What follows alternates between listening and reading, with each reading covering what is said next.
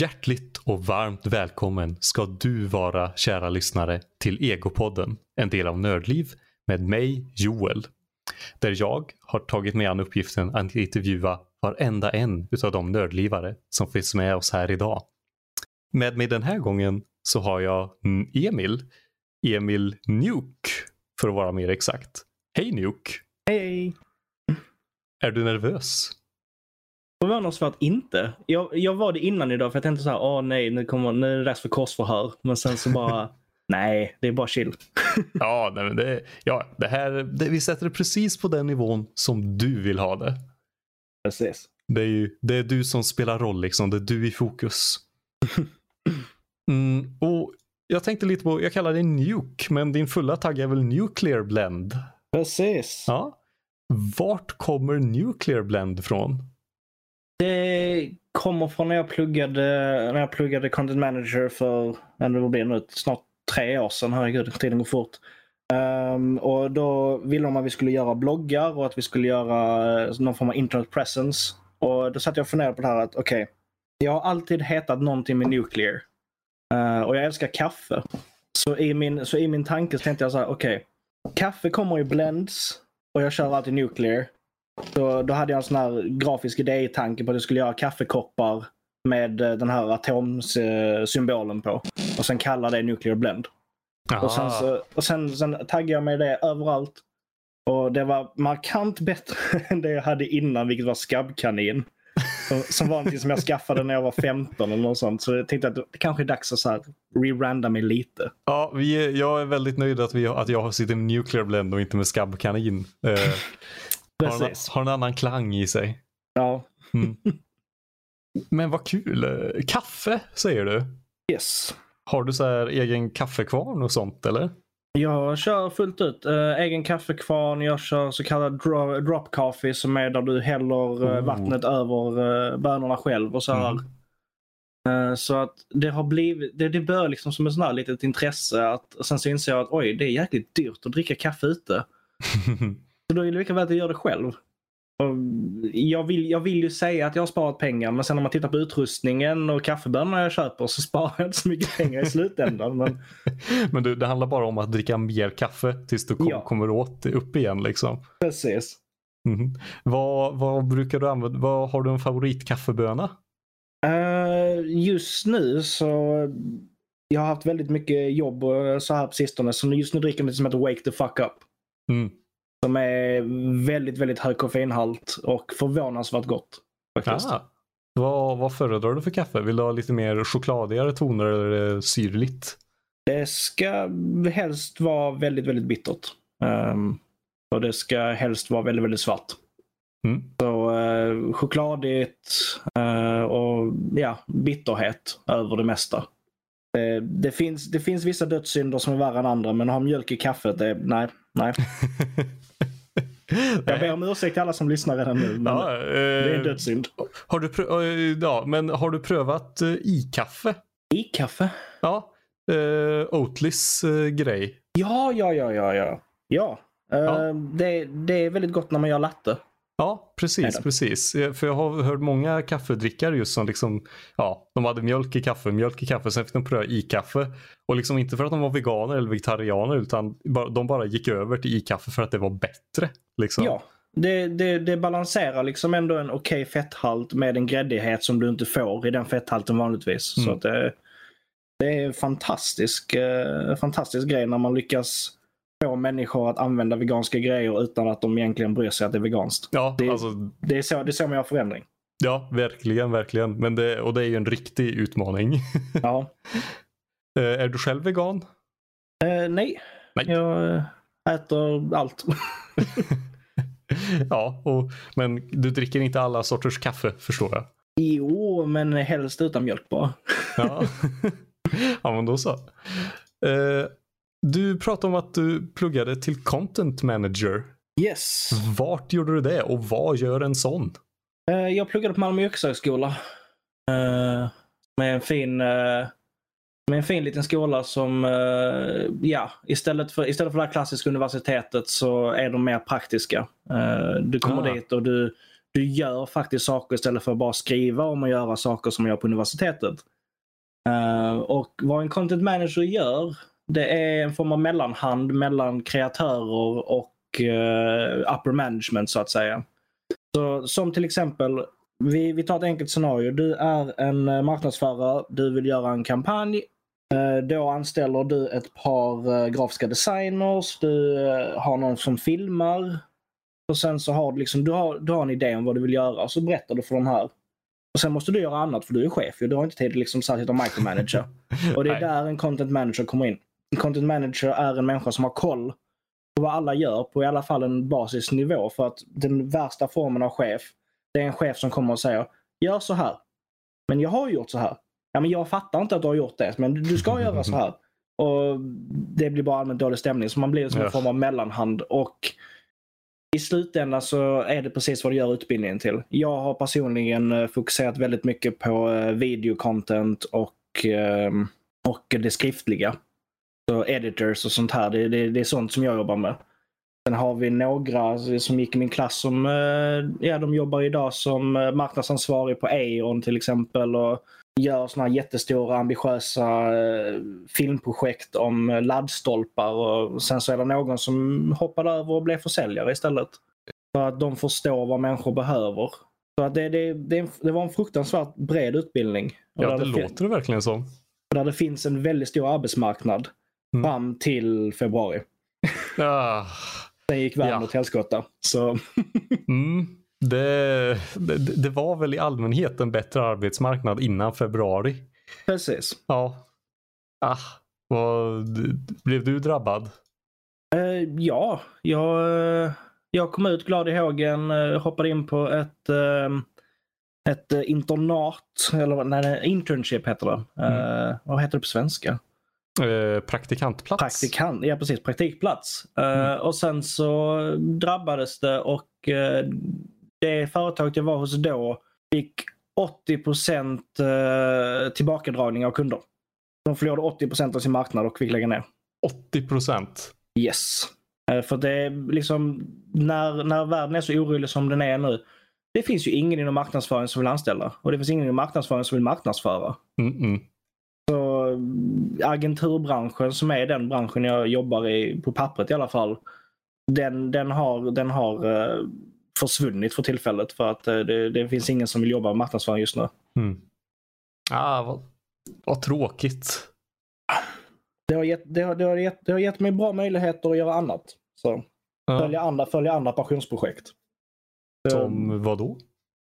Som Nördliv bland annat. Ja, ja. Och skrivandet i allmänhet. Eh, jag håller även på och eh, just nu så håller jag på att utveckla en live, en liveshow där vi bland annat kommer att prata med andra content creators om eh, mental hälsa till exempel. Så det kommer komma snart. När vet jag inte. Men...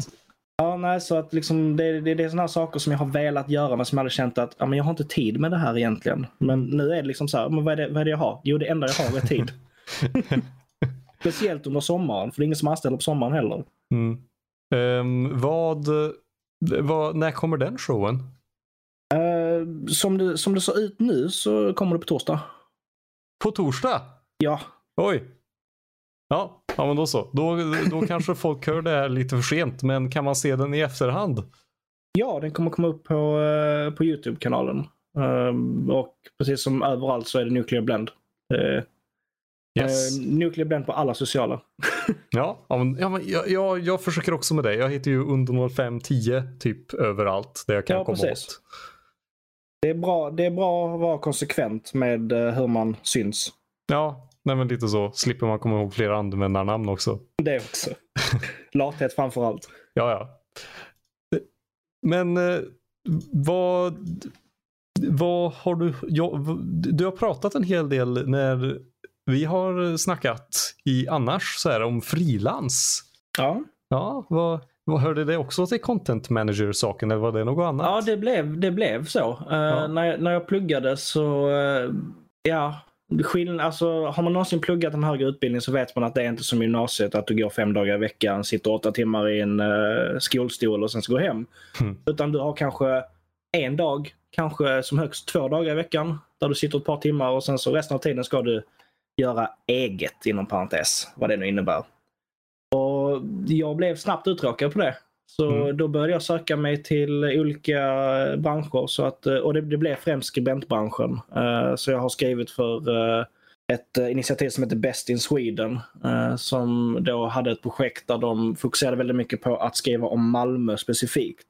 Så då, jobbade, då jobbade jag väldigt mycket med dem med att för, föra fram sponsorer och eh, föra fram det som är så bra med Malmö. För Malmö är ju en sån stad som får väldigt mycket skit av diverse anledningar. Och vi vill liksom att för, föra fram det som är fantastiskt med Malmö. Mm. Var det det jag såg som var det här Bäst in Malmö? Precis. Ja, och titta. Vad, vad fick du för arbetsuppgifter då? Eh, Jag, jag, blev, jag blev deras främsta skribent under eh, drygt ett år. Och eh, jag jobbade även med att få in sponsorer. Mm. Eh, Och jobbade väldigt mycket med så kallat sponsored content som är ett finare namn för, ja, om man ska vara helt ärlig, ge oss gratis saker så recenserar vi dem till er. det, är- Va? Det är det, så det är det. Ja, vi, ja, vi känner igen oss. ja. Men eh, var, det ett, var det ett givande arbete kände du? Det var ett fantastiskt arbete. Ehm, just, det här, just det här med att du, du har liksom en bas att stå på. Och sen så sa de helt enkelt, ja men producera bra grejer. Producera häftiga grejer och få människor att läsa vår hemsida. Mm. Och det var det precis det jag gjorde. Och det, det, det är så jag även gör mitt frilansande överlag. Alltså jag, jag finns alltid tillgänglig för specifikt då små indiespelbolag och sånt här. eh, om de behöver hjälp med sin marknadsföring. Mm. Och liksom för att ge dem en, någon form av tonalitet. För att ja, om man någonsin har suttit på sociala medier så vet man att det är 99% är människor som bara skriker ut i tomma intet. För att det är ingen som hör eller lyssnar. Ja. Och det tar tid. Och det, det finns mycket, mycket, mycket arbete kring eh, de stora som man följer idag. Mm. Som många inte tänker på.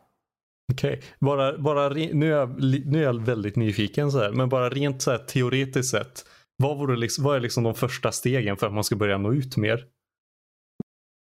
Den allra första och viktigaste det är att vara konsekvent i hur man paketerar sina meddelanden.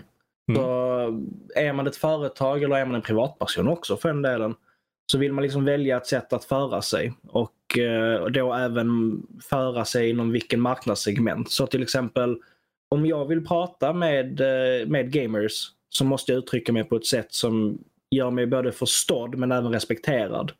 Det finns liksom inget värre när man ser ett företag som går in och bara säger Hello fellow gamers. Ja, och Nej. Gam, liksom, det kommer liksom gamlingen in genom dörren och försöker vara relevant. Det, det blir bara pinsamt på alla sätt.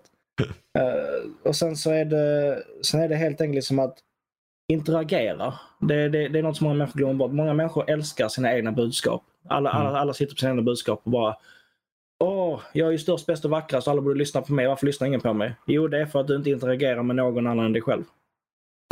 Sociala medier är ju i grund och botten sociala och det är någonting som många glömmer bort. Så det är väl nummer två. Och sen om man ska ha en fin liten avrundare så är det så är det helt enkelt var, var snäll. den det var väldigt bra. Vad fint Ja. att du avslutar med den. Ja, för att det, det, går, det går väldigt fort att bli stor på internet idag. Om du är ren... Får, man svära här förresten? Eh, ja. Ja. Ehm, det går väldigt fort att bli stor på internet om du är ett rövhål, helt enkelt. Mm. Och trycker ner allt och alla. Då, då, då kan du växa väldigt fort. Men du växer till bekostnad på att trycka ner andra och det, det kommer tillbaka och förstör din karriär så småningom. Mm. Så var snäll. Det vinner man mycket på här i livet. Ja, var, vad fint ändå att det, är det, att det är det du lägger i grunden för att bli stor på nätet. Det, jag känner, det säger ju någonting om dig. Ehm, har... Nu ska vi se, det var nog mer jag tänkte på just det här med content manager. Ba, ba, ba, ba, ba. Nej, det kanske inte var nog mer. Jag har också hört att du är filmvetare. Ja, tyvärr. Tyvärr. Uh, nej, ehm, Vet du direkt- för mycket film? Ja, eh, man, man, jag kan säga så här. Pluggar man filmvetenskap i Sverige så får man en hatkärlek för Ingmar Bergman i alla fall. Ehm, antingen så älskar man det eller så hatar man hans verk. Eh, jag, tänker inte, jag tänker inte säga var jag står någonstans. Va?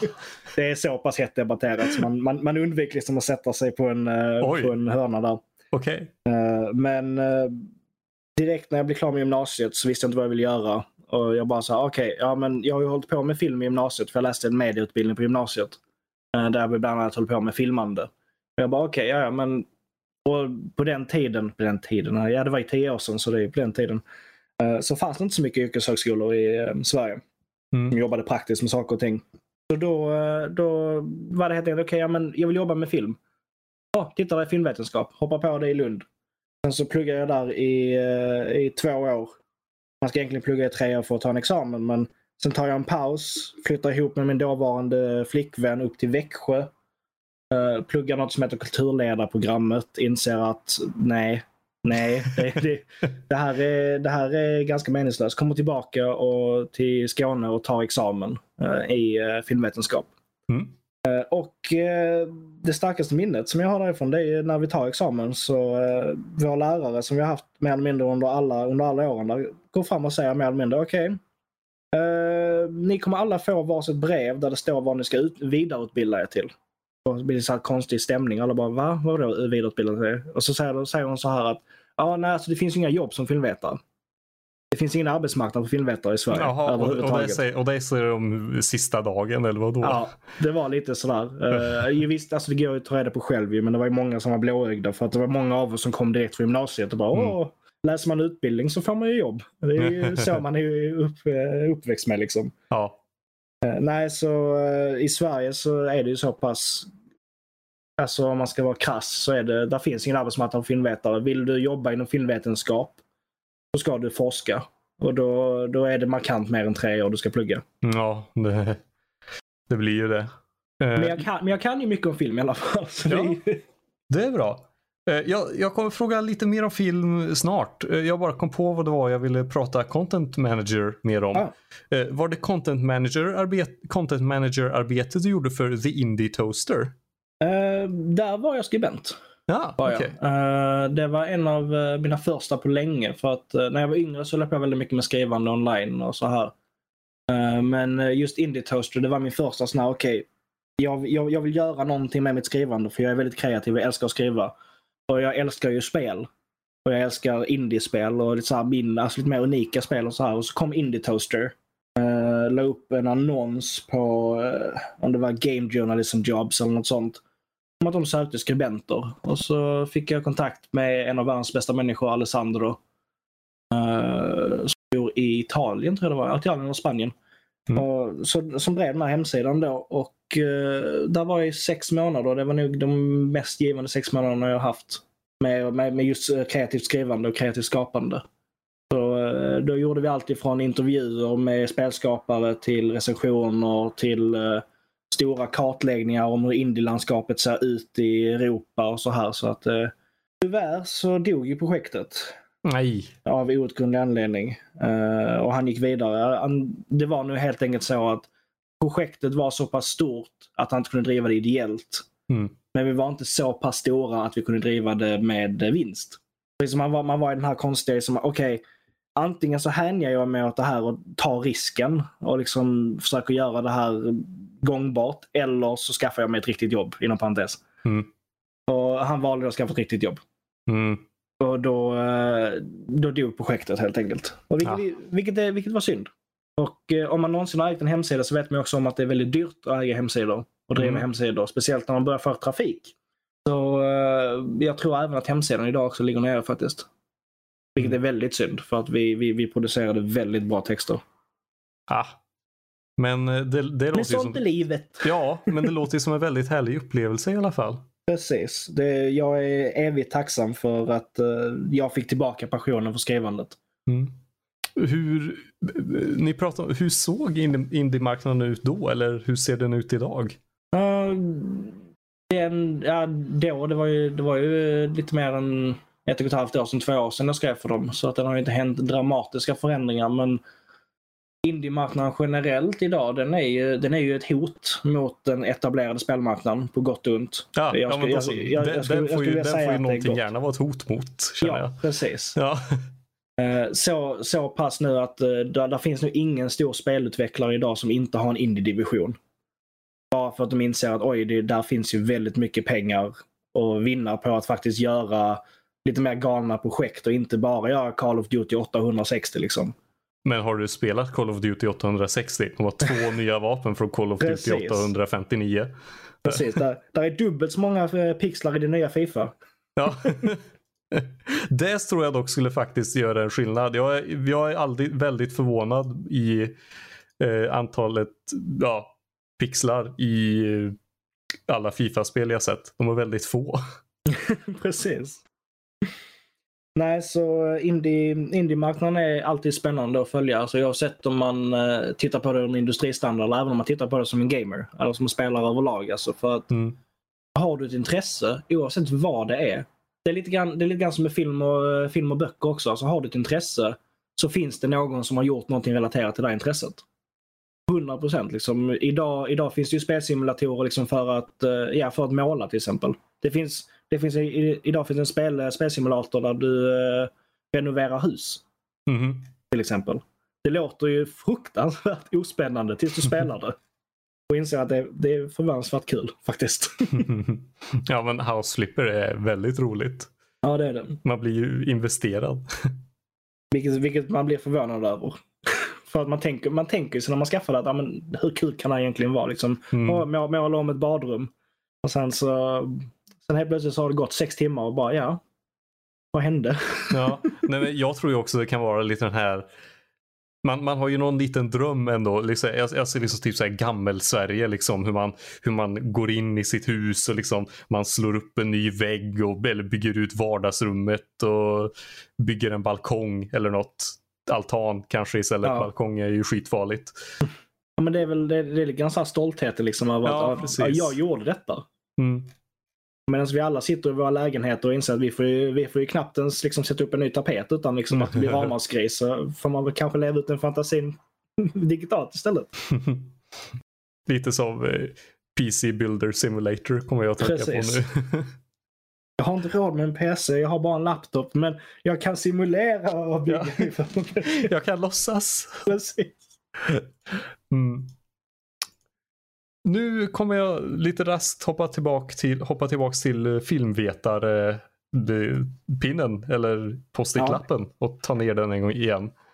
Uh, vad, vad, finns det, nu låter jag kanske extremt outbildad här nu, men vad finns det att vad finns det liksom att veta om film förutom det som man direkt ser?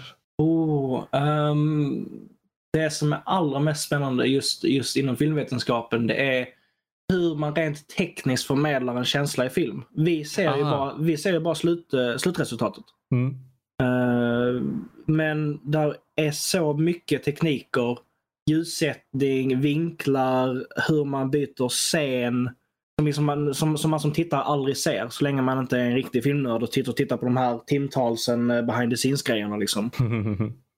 um, så just det här, liksom, det finns en hel vetenskap Både, både ur psykologisk synvinkel men även ur teknisk synvinkel på hur man förmedlar en känsla. Mm. Har man någonsin hållit på med teater och sånt där så vet man ju att teater är ju skådespeleri gånger tusen. Det är ju extrem överdriven känsla och sånt där. Men kombinerar du det tillsammans med teknik där du kan förmedla liksom en känsla med hjälp av att den här människan är väldigt, väldigt eh, ledsen. Därför så sänker vi ljuset runt omkring den trots att det liksom är ljust utomhus. Runt den här människan är det mörkt. Det, det kopplar vi ju direkt som att okej, okay, den här människan är ledsen. Mm. Så där är, det, det, det, är väl det som är det mest spännande med filmvetenskap. Det och eh, det historiska. För att film är ju en av våra nyaste medier. Eh, mm. Så, så pass ny att den fortfarande inte anses vara kultur. Av uh, majoriteten av kulturinstitutioner, Sverige inkluderat. Vi, vi har ett filminstitut uh, som aktivt jobbar för uh, för att, få, för att få Sverige att eh, erkänna film som kultur. Men det, det går lite halvdant. Och nu, nu är det ju tv-spel och spelindustrin som är på väg liksom så här, men vi är också kultur. Um, det hade jag faktiskt ingen aning om. Att film inte ansågs som kultur. Vi gör tyvärr, alltså film, filmindustrin jobbar hårt för att liksom så visa att okej, okay, men vi är liksom mer än Arnold Schwarzenegger och eh, steroider och actionfilmer och eh, mm. dråpliga romantiska filmer. Liksom, vi gör ju filmer som förändrar världen. Men eh, kulturen är byggd på en mång, ja, nästan tusenårig tradition. Och den mm. tusenåriga traditionen den ruckar man inte på helt enkelt. Vilket är väldigt synd. Ja, men eh, ja, det är sant. Sen så känner jag om, om man inte hade ruckat på den då borde opera varit mycket populärare än vad det är. Ja, precis. Nej, men vad tråkigt. Vad, vad, vad, vad liksom, vad säger de att filmen saknar inom citationstecken? Det undrar jag också. Ja, ja då så. Um, det har helt enkelt bara inte blivit officiellt erkänt som Mm. en kulturyttring. Det finns många europeiska ställen som har erkänt det nu dock. Uh, Tyskland bland annat. Uh, även i USA så är det erkänt som kultur också. Jag vet faktiskt inte, nu, nu, nu, är ju den här kunskapen ett par år gammal, nästan Mm. tio år gammal. Men eh, då i alla fall så hade Sverige inte tagit en officiell ståndpunkt. Det kan ha förändrats idag, men eh, jag, det- tror, jag, jag tror inte att det gjort det. För jag tror att då, då hade vi sett eh, rubriker om det. Ja, Nej, vad tråkigt.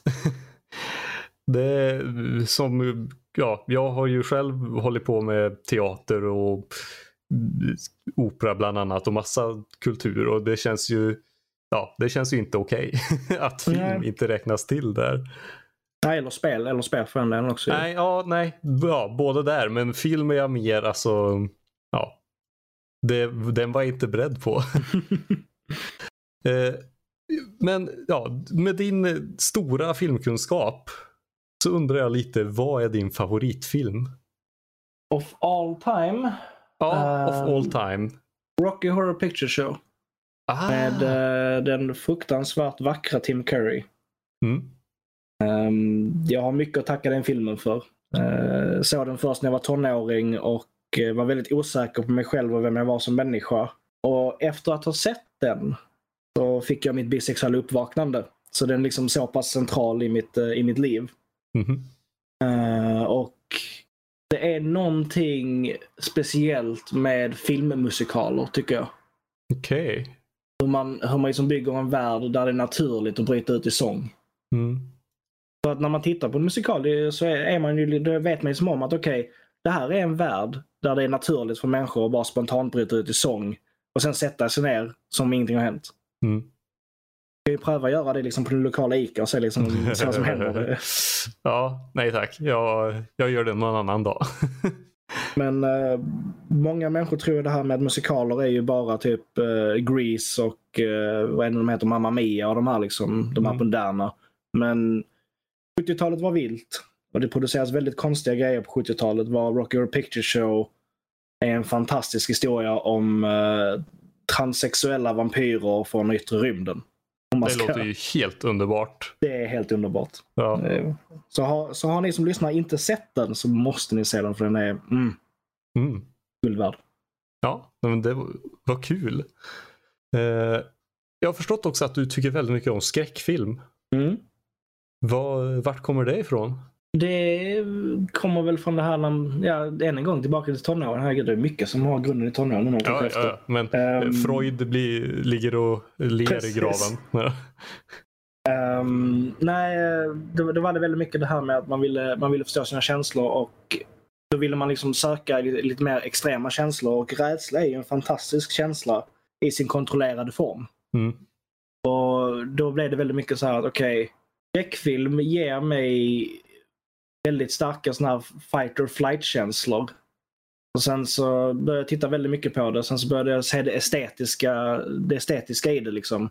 I ljussättningar och i hur man porträtterar galenskap och sånt här. För det är väldigt unikt för, för uh, skräckfilm porträtterar galenskap så att säga. Till exempel The Shining och sånt här Mm. då fastnade jag för det och sen så med, med tiden givetvis så blir man ju härdad. Och man, liksom idag så är det ju väldigt få skräckfilmer som lyckas ta sig under skinnet vilket gör det ännu mer spännande att söka efter de här filmerna som faktiskt påverkar en. Mm. För att är man liksom så resistant idag mot att, mot att bli rädd och liksom ha en film som sitter kvar i en. Då, då blir det liksom ännu mer givande. Det, det är lite grann här, jakten är, är lika rolig som liksom belöningen. Mm. Så att säga. Vilken var den senaste skräckfilmen du såg som liksom fastnade? Eh, det var nog Noroi, eller Noroi, som är en uh, japansk skräckfilm från vad är det, 2015, 2016 där någonstans. Eh, det är helt enkelt, tänk, tänk om japanerna bestämde sig för att göra Blair Witch Project.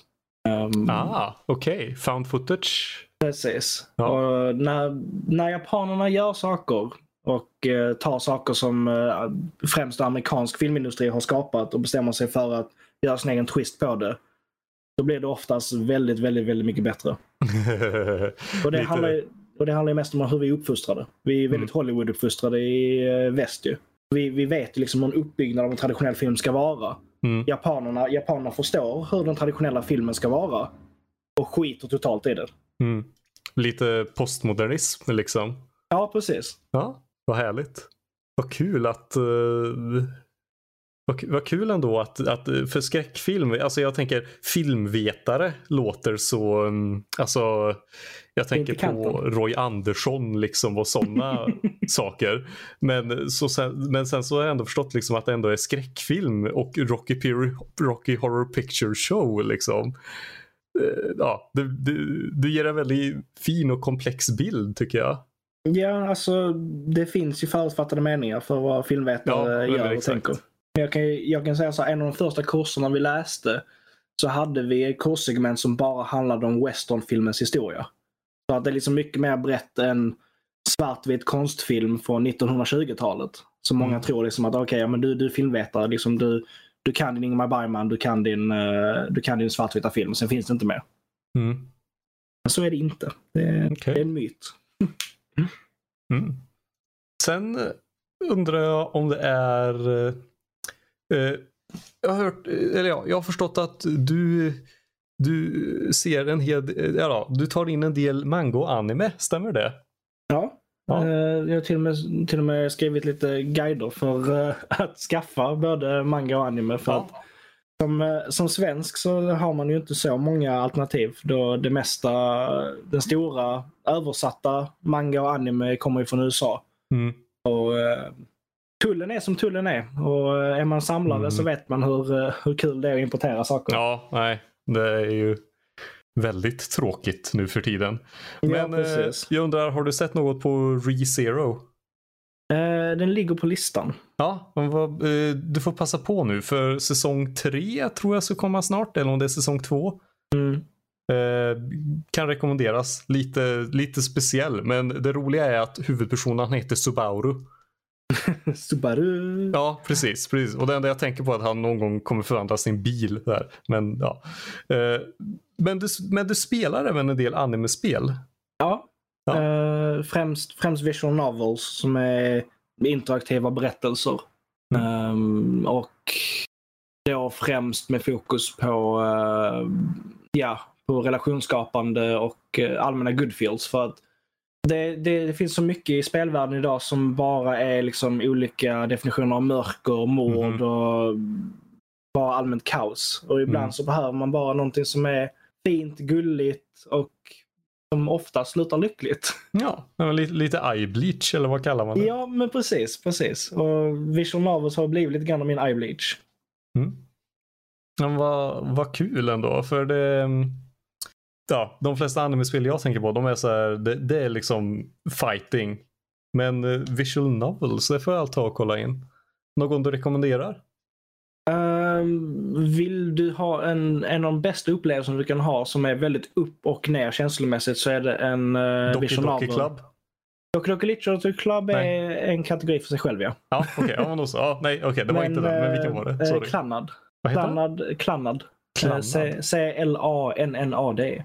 Eh, det, den, den finns även som manga och anime och den är nog en av de mest... Den, den kom nyligen hit till uh, bli översatt till Mm. engelska så den, den, liksom, den är lättillgänglig för, eh, för oss här i väst. Och den är lång men den är helt fantastisk. Okej.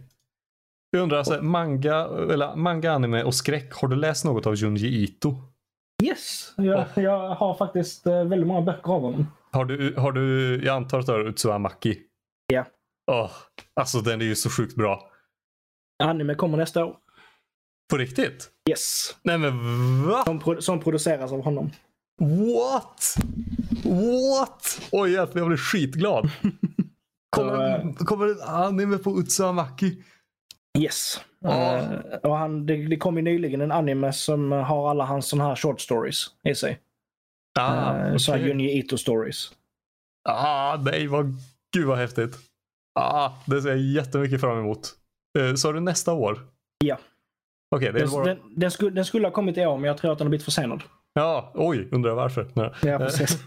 då gäller det bara att över, överleva coronan då, för nu, nu, har, nu är man ju väldigt motiverad känner jag. Precis, nu har man en anledning. ja, ja, ja, ja. På med masken. Precis. Uh, är det något mer du har läst? Jag tänker typ, åh nu kommer jag inte ihåg vad han som har gjort den heter, men uh, har du hört talas om Itchy the Killer? Ja. Ja. Uh, fantastisk filmversion av den förut. Um, ja, just det, just det, det är den. Ja. Uh, och ja, du har rätt. Den, den, är, den är en manga från första början va? Ja, det är det. det, ja. är det. Den, uh, har du läst den? Uh, nej, det har jag faktiskt inte. Nej, den, du ska få en la, jättelaglig länk sen. Jättebra, eh, tack. Ja, för den kan jag varmt rekommendera. Kanske inte till dig som lyssnare, för du, ja, det, ja, det vill jag bara poängtera att den är inte för alla. Eh, jag tror du förstår kanske vad jag menar med det. Den är, den, den är väldigt vuxen. Ja, precis. Eh, och vi kanske, vi, vi, håller, vi, vi kanske stannar där. Precis. just med det. Men eh, vad kul ändå att du, ja, Nej, Junji, nej men han är på Junjito. Nu kommer jag inte kunna fokusera resten av intervjun. uh, är det något mer eh, som du, just, just anime-spel, finns det något att rekommendera där? Uh, förutom Klannad så rekommenderar jag väldigt mycket Ateljär-serien. Uh, det nyligen kom upp en recension på hemsidan om jag inte minns helt fel också. Mm. Ateljärspelen är en väldigt acquired taste.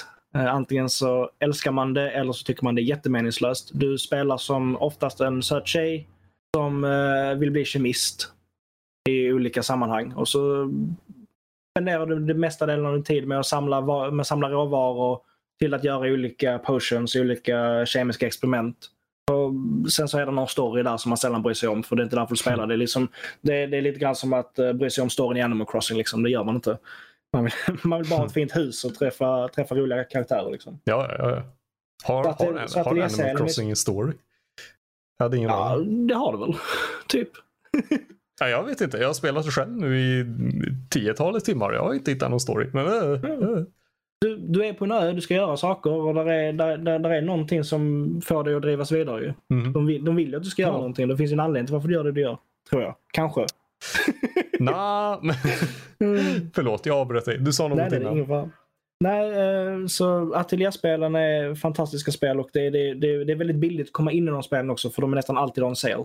Um, och sen så eh, anime fighting-spel som typ uh, Fighter Max och Fighter Max Love, vad är de uppe i nu, tre eller något sånt. Där du spelar, där du spelar söta anime-karaktärer som slåss. På ett väldigt gulligt sätt, inte på det här extremvåldsamma. Uh, typ Mortal Kombat-stilen så att säga. Mm. Och det, det, det, är precis som med så mycket annat. Uh, är man intresserad av anime och manga så finns det en spelkategori ja, oavsett intresse helt enkelt. Mm. Vad, vad bra. Jag, jag kände att det öppnar upp nya världar för mig just den här anime-saken. Ja, det är livsfarligt. Ja.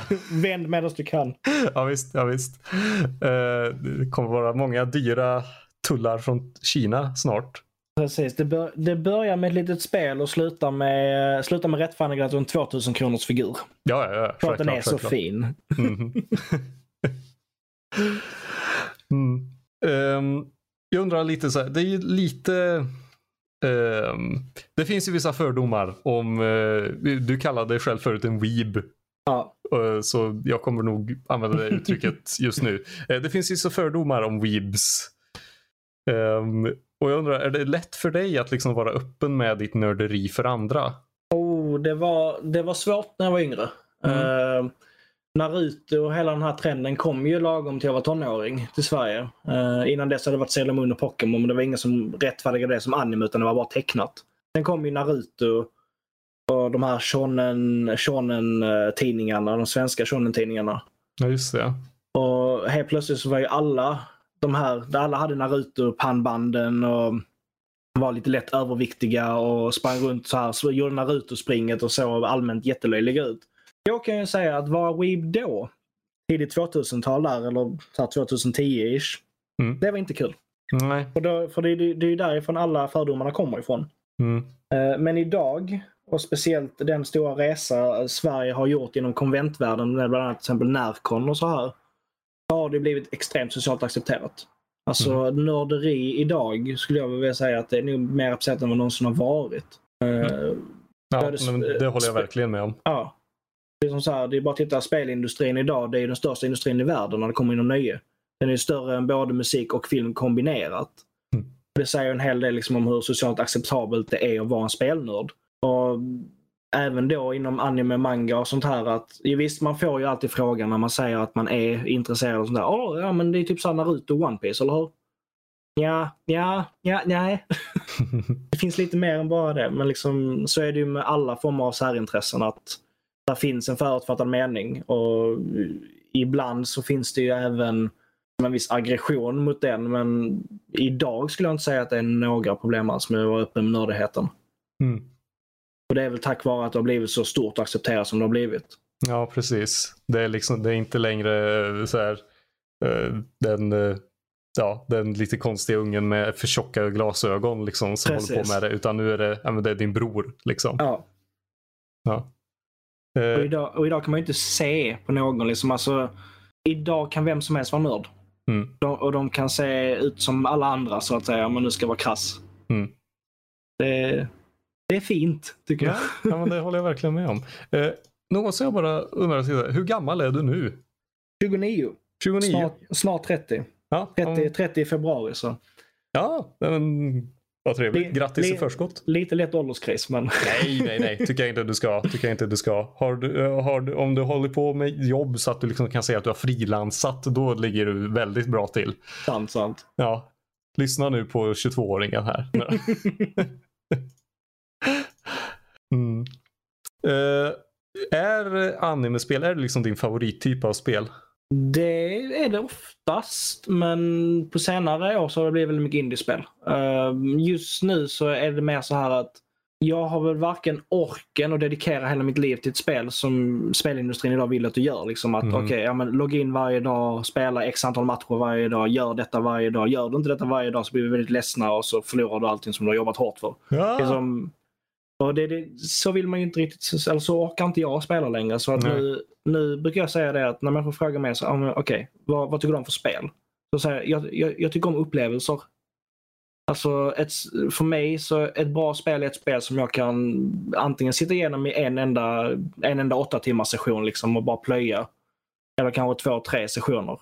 Mm. Och sen så är det liksom där, okej, det här var givande. Det här var väldigt givande. Det här var, det här var, det här var unikt. Där fick man känna intressanta känslor. Och sen så går jag vidare till nytt spel. Eh, det senaste spelet som jag kan tänka på det, det är Cloudpunk. Cloudpunk var ett fantastiskt spel. Eh, som, är, som är liksom en komprimerad upplevelse, så att säga. Men anime, men anime och manga, det, det, dit kommer jag alltid tillbaka så att säga. Mhm. Mm. För, för just den här feel good känslan helt enkelt. Jag, jag vet vad jag får. Alltså det, har man spelat spel länge så finns det vissa kategorier som liksom de kanske inte gör så mycket nyskapande. Det kanske inte händer så mycket i de här kategorierna. Liksom, Det finns en anledning till varför vi har 50 olika Fifa att vi har 50 olika Call of Duty. Det är för att människor vet vad de får. Mm. Jag tänkte, jag tänkte, vi börjar närma oss liksom slutet nu, men jag tänkte ändå, vi slutar lite med början. Eh, Mm. När började ditt intresse för ja, nördgrejer? Gud. Ja. Eh, någonstans mellan fem och sex år gammal. Ehm, min bror flyttade hem ungefär när jag var fem sex år gammal. Och med sig hade han ett Sega Master System. Ah. som, han, sp- som han spelade väldigt mycket på. Och uh, det var väldigt mycket såna textspel som inte jag fattade ett dugg av. Men jag tryckte på kontrollen, saker och ting rörde sig på skärmen. Det var det häftigaste jag någonsin varit med om. Eh, så liksom, jag, jag, jag, jag sket i att de satt och pratade med mig i spelet. Jag bara, åh kolla min gubbe går dit. Åh kolla min gubbe har ett svärd. Han petar på någonting. Det, det försvann. Oj, häftigt. Liksom. Eh, och sen så gick det ett par år till och min bror eh, kom in i tonåren och jag kom in där runt 10-12 år gammal. Och då skaffade han en dator, en gammal Compaq. Jag vet inte om det, jo det företaget finns väl kvar men jag, jag har inte sett en Compaq-dator på många år. Men, eh, och då började han spela våldsamma, jättevåldsamma spel som typ Carmageddon och Command and Conquer och sånt här. Och varenda gång min bror var ute och iväg Började gå upp till datorn, satte igång det och satt och smögspelade de här spelen som jag inte fick spela. Det, det, usch, nej, nej, nej. Det var ju våld, våldsamt och hemskt. Ja, ja. Command and Conquer. Precis. Riktigt hemskt. De, de där filmerna emellan också. Ja. Uh, uh. Eh, nej, och sen så bara fortsatte det och fortsatte och fortsatte det. Jag kom väl aldrig riktigt ur det. För att uh, sen kom ju World of Warcraft när man kom in i tonåren och då, då gick det ju ner för snabbt. sen, var man, sen var man fast liksom. hur, länge, hur länge spelade du WoW? Sex år tror jag, sex eller sju år. Ja. Var det något som fick dig att sluta? Det var så pass enkelt att ehm, eh, jag började universitetet. är ju en av anledningarna. Mm. En, en annan anledning var att den gilden jag hade spelat med i alla de här åren, den försvann. Den dog ut. Ah, Och det, är väl, det, det, det är väl så det är med alla former av vängrupper så att säga. Det, mm. De kommer och går, speciellt när de är så digitala som WoW är. Mm. Men några av mina bästa vänner är fortfarande ifrån WoW-tiden som liksom en har kontakt med idag. Det, Vad härligt. det är en fin gemenskap helt enkelt Ja. att, vara, att vara nörd.